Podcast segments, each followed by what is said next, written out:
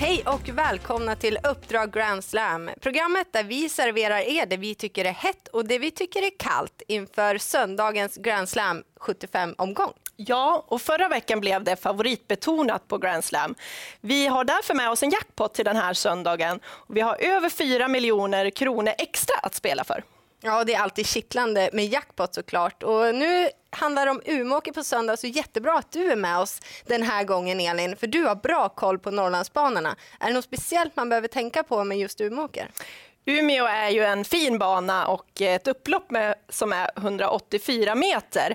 Det vi ska ha lite koll på det är väl väderprognosen. Det är aprilväder nu och det skulle kunna vara det som eh, ställer till det lite med underlaget. Men normalt sett en fin bana. Ja, men då är det väl dags. Då kör vi igång. Här kommer veckans heta. I den första avdelningen startar sex Helix. Eh, kör, det gör Magnus och Ljuse och tillsammans då är ekipaget obesegrat. Den här gången så kommer Helix tävla barfota runt om för första gången. Han har tidigare tävlat barfota bak och det har fungerat bra. Så självklart är det spännande att se honom nu när det blir barfota runt om och hur bra ska han vara? Ja, precis. Och i den andra avdelningen där hittar vi Robert Berg-tränade nummer 6, Hail Mary, som gjorde en mersmakande årsdebut när han lämnade sina konkurrenter in på upploppet och vann överlägset. Han har en fin uppgift även idag och eh, jag hittar inga anledningar att gå emot honom, utan eh, han har en toppchans. Ja, men nu har ni fått varsin vinnare från Magnus A. Djuse och Robert Berg. Och dessa två de har heta chanser under hela söndagen. Så därför frågade vi våra kollegor, vem av de här två vinner egentligen flest lopp under GS 75?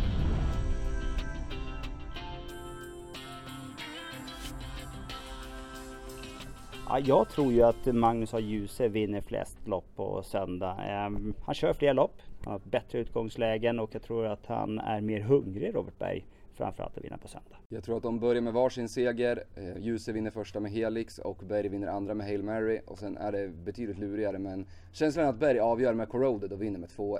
Mycket svår fråga. Eh, de har båda två riktigt bra chanser. Men med tanke på att Magnus Djuse kör i ett lopp med så säger jag nog han. Ja, då blir det ju Berg. Han vinner ju garanterat två. Hail Mary kan inte torska och Corroded, den lägger aldrig på det intrycket senast. Så då har han två, då ska Djuse vinna. Nej, det gör han inte. Berg. Ja, det var blandade svar och de har ju jämna chanser också. Men det vi kan konstatera det är väl att eh, båda två har riktigt heta chanser under söndagen och räknas i alla avdelningar. Ja, det gör de.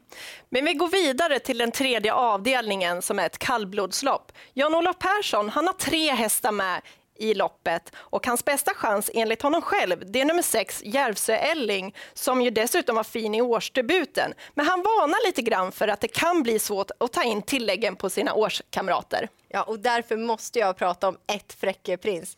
Han har ingen vacker resultatrad, det är bara galopper. Men han har hög kapacitet. Han är obesegrad felfri och han är obesegrad från ledningen. Och nu när han startar ensam på startvolten, ja då ser det upplagt ut för att komma till spets. Och jag blir inte förvånad om han sköter sig den här gången och håller hela vägen in i mål.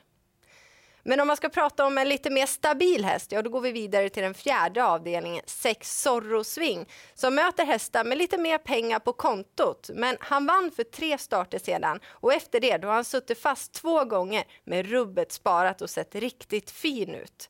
Så trots tufft motstånd tycker jag att Zorro Swing räknas tidigt med tanke på hans lysande form.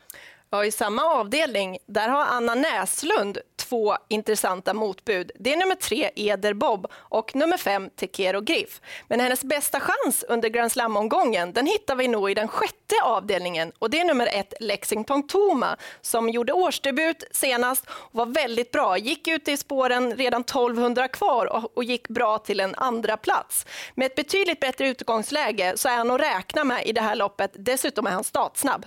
Ja, tanken är ju såklart att leda det här loppet runt om.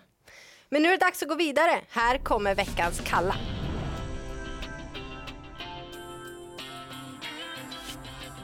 I den tredje avdelningen tar Svante Båt ut båda sina fina kallblod. Två Gorm och tre Axel Sigfrid. Men dessa saknar lopp, har inte startat sedan i fjol medan konkurrenterna har lopp i kroppen. Och Båt själv säger att Gorm var lite segstartad under fjolåret. Så känslan är att de behöver ha lopp innan de är redo för att segerstrida.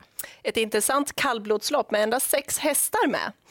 Vi går till den femte avdelningen. Där startar nummer fyra Gorgeous LA som har en imponerande rad hos Hanna Olofsson. Tre raka segrar, men vi ska tänka på att hon växlar ner lite grann nu. Hon kör med skor runt om och vanlig vagn och siktar på V75 om 14 dagar på Umeå och det är då hon ska vara på topp. Så vad tar vi med oss inför söndagens jackpot-omgång på Umeåker? Vi ska inte missa i avdelning 6, nummer 1, Lexington Toma som gjorde en fin årsdebut senast och med det loppet i kroppen har ett bättre utgångsläge den här gången. Och glöm inte bort ett Fräcke Prins i den tredje avdelningen. Jag tror att han sköter sig och då blir han svår att hinna ikapp.